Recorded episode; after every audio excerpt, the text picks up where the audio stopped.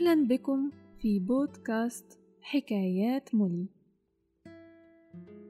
هنا هنحكي قصص للأطفال بالعامية المصرية وأحيانا بالفصحى. الحكايات هتتنوع وتختلف علشان تناسب كل الأعمار الصغار منهم والكبار. وهدفنا إننا نساعد أطفالنا على تعلم أشياء جديدة وتوسيع مداركهم. لكن الأهم كمان هو تنمية قدرتهم على التخيل لأن الخيال والإبداع دايما أصحاب.